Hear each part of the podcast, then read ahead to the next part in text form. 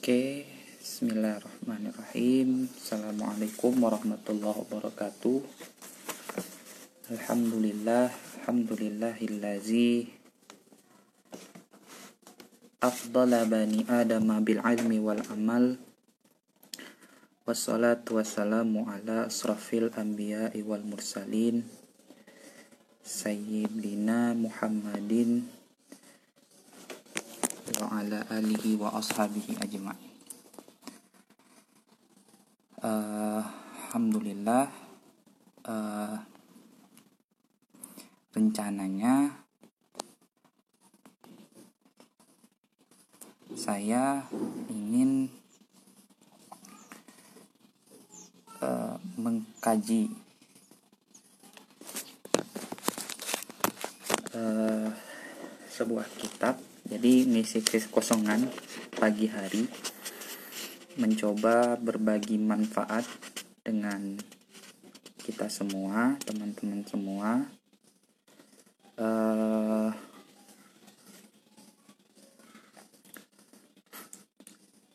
saya mencoba akan apa namanya memba apa membaca uh, kitab Minhajul Abidin akan share beberapa poin penting mungkin yang layak yang apa cocok dan bisa kita praktikkan dalam kehidupan sehari-hari. Karena saya juga masih mau belajar. Uh, Minhajul Abidin ini adalah kitab yang dikarang oleh Al Imam Al Ghazali rahimahumullah taala. Kitab terakhir yang beliau tulis selam apa dalam apa dalam perjalanan kehidupannya. Ya, ini kitab terakhir yang beliau tulis. Dan kitab yang terkenal itu adalah kitab uh,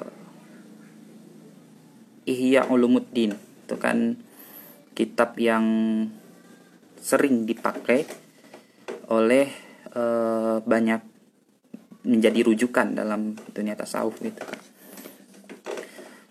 uh, di sini berbicara tentang minhaj. Minhaj itu adalah uh, tangga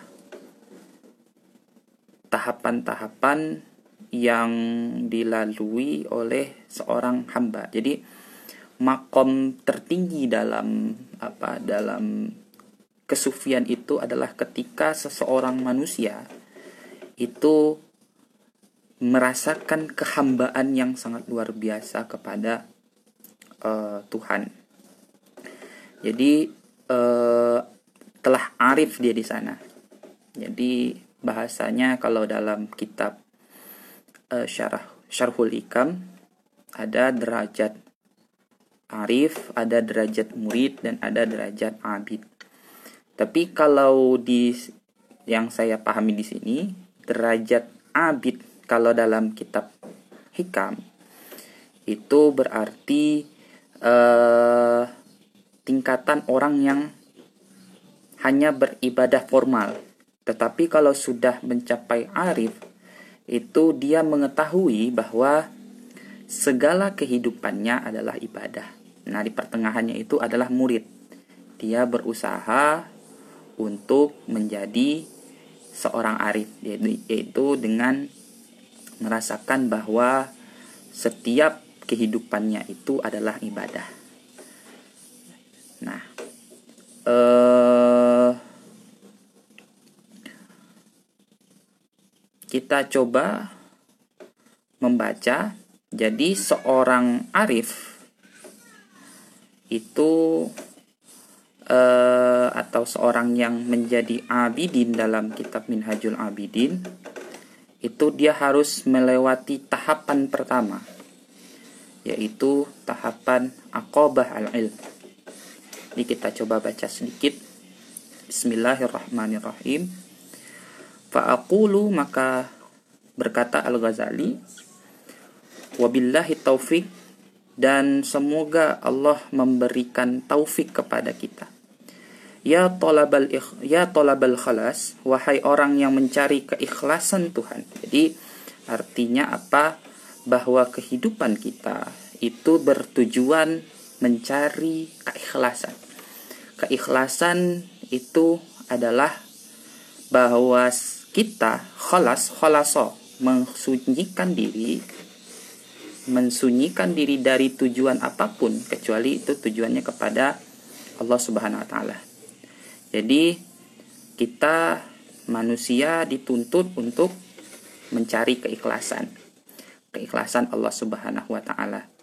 Dan itu kita ucapkan terus selama uh, apa salat lima waktu kita dalam doa iftitah. Inna salati wa nusuki wa mahyaya wa mati lillahi rabbil alamin. Bentuk keikhlasan itu adalah ketika kita serahkan salat kita, ibadah kita, uh, perjuangan kehidupan kita, hidup dan mati itu kepada Tuhan, kepada Allah Subhanahu wa taala. Wal ibadah dan orang yang senantiasa beribadah kepada Allah Subhanahu wa taala.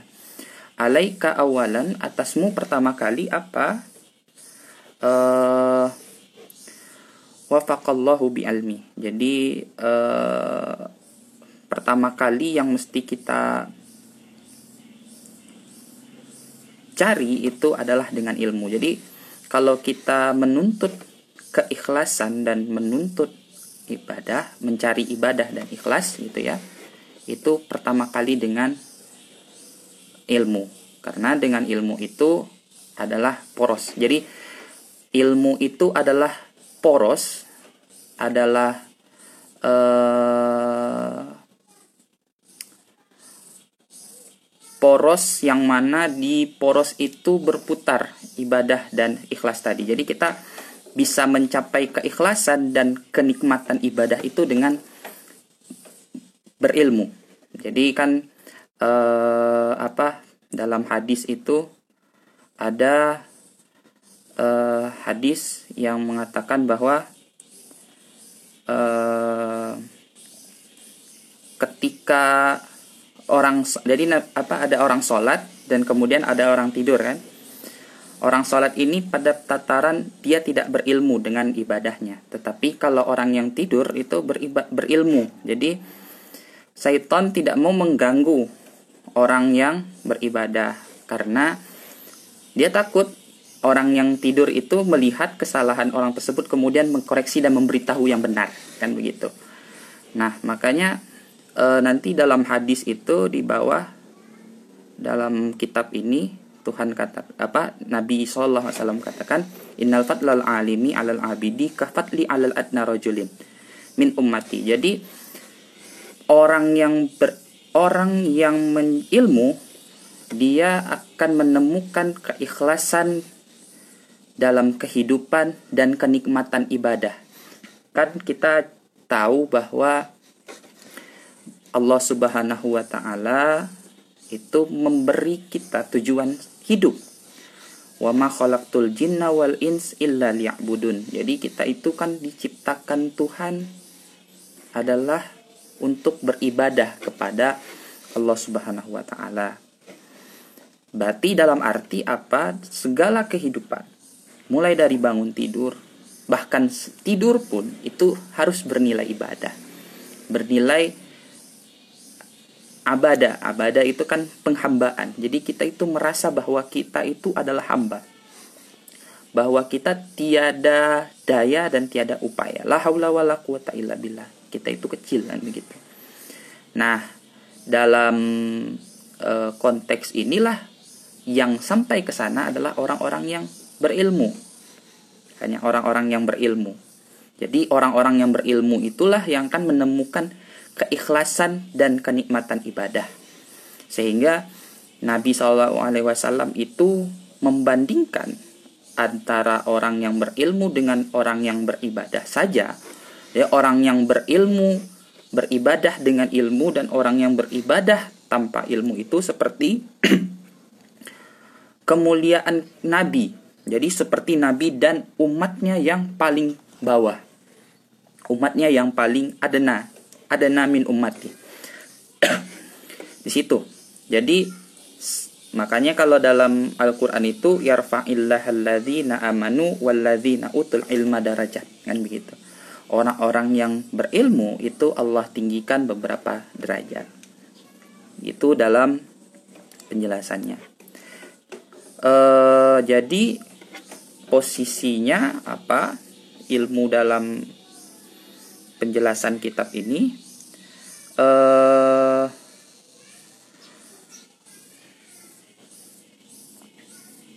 al ilmu amamal amal wal amalu tabi'uhu itu perkataan Al Ghazali uh, ilmu itu adalah ilmu merupakan permulaan amal jadi ilmu itu di dahulu amal, lebih dahulu daripada amal. Jadi kalau ingin mengerjakan amal salih gitu ya, kita harus berilmu, kita harus paham ilmunya. Al amalu tabi'uhu. Jadi al ilmu di sini adalah ilmi ilmu bagaimana kita merasakan uh, kehadiran Tuhan itu dengan latihan-latihan kan begitu. Nah, eh, latihan latihannya itu adalah apa? Dalam Al-Qur'an itu eh, dalam kitab ini jelaskan begitu misalkan dalam ibadah eh, syariah gitu seperti bersuci itu itu harus dilakukan sebelum sholat dan begitu kemudian puasa eh, dan apa ber apa namanya itu kan dari rata-rata ibadah syariah ya. Dan ibadah sosial gitu dan ibadah sosial itu dalam kehidupan. Jadi berbicara apa ilmu kita itu menjadi seorang yang tahu uh, bahwa kehidupan ini apa namanya tiada uh, tiada yang namanya tanpa campur tangan Tuhan kan gitu. Jadi kita merasakan Tuhan dalam kehidupan. Kita merasakan Tuhan dalam kehidupan Uh, sehingga apa? Ketika kita mengetahui Tuhan dalam kehidupan, kita mengerti, kita mengerti sebuah sikap, kita mesti berserah, bertawakal kepada Tuhan. Kemudian kita bersyukur, kemudian kita bersabar.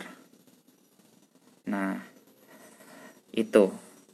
Jadi wa 'alallahi falyatawakkali tawakkalu in kuntum mu'minun. Kemudian washkurullahi in kuntum iyyahu ta'budun. Kemudian wasbir wa masabaru illa billah. Jadi ketika kita mengerti gitu ya ilmunya, maka kita akan bertawakal, bersyukur dan sabar kepada Tuhan. Kemudian sehingga di sanalah kita sampai pada pemahaman keikhlasan. Kita sampai pada paham ikhlas kepada Allah Subhanahu wa taala. Itu dengan apa? Dengan uh, ilmu. Jadi dengan ilmu dan apa namanya? Tanpa ilmu kita uh, apa namanya? Apa nama kita harus menuntut ya ilmu itu. Kenapa? Karena e, di sanalah kita bisa menemukan e, apa melihat kebaikan tidak apa tidak tertutup gitu. Tidak tertutup dengan diri sendiri ego sendiri. Sehingga kita terbuka secara individu dan secara sosial kemudian uh, kita menemukan langsung tujuan hidup kita. Jadi uh, ilmu ini mengajarkan seseorang orang seseorang itu akabah ini tahapan pertama ini untuk mencapai seorang yang al-abid dalam apa dalam uh, kehidupan dalam ibadah ya dalam ibadah kehidupan ini karena tadi sudah saya dibilang bahwa tujuan hidup kita itu wa ma khalaqtul jinna wal ins illa liya'budun itu ya karena kita bertujuan sebagai apa eh, tujuan hidup kita itu adalah sebagai seorang yang beribadah kepada Tuhan maka tahapan pertama yang mesti dijalani itu adalah al-ilm. Mungkin sekian. Uh, nanti bisa kita lanjut beberapa uh, halaman lagi itu baru pembuka. Mudah-mudahan uh, setiap ada kesempatan saya gitu kalau ruang kosong, insya Allah bisa kita apa kita kaji bareng, kita belajar bareng gitu ini sekalian saya mengulang-ulang gitu terima kasih uh, wallahu uh, billahi taufik wal hidayah.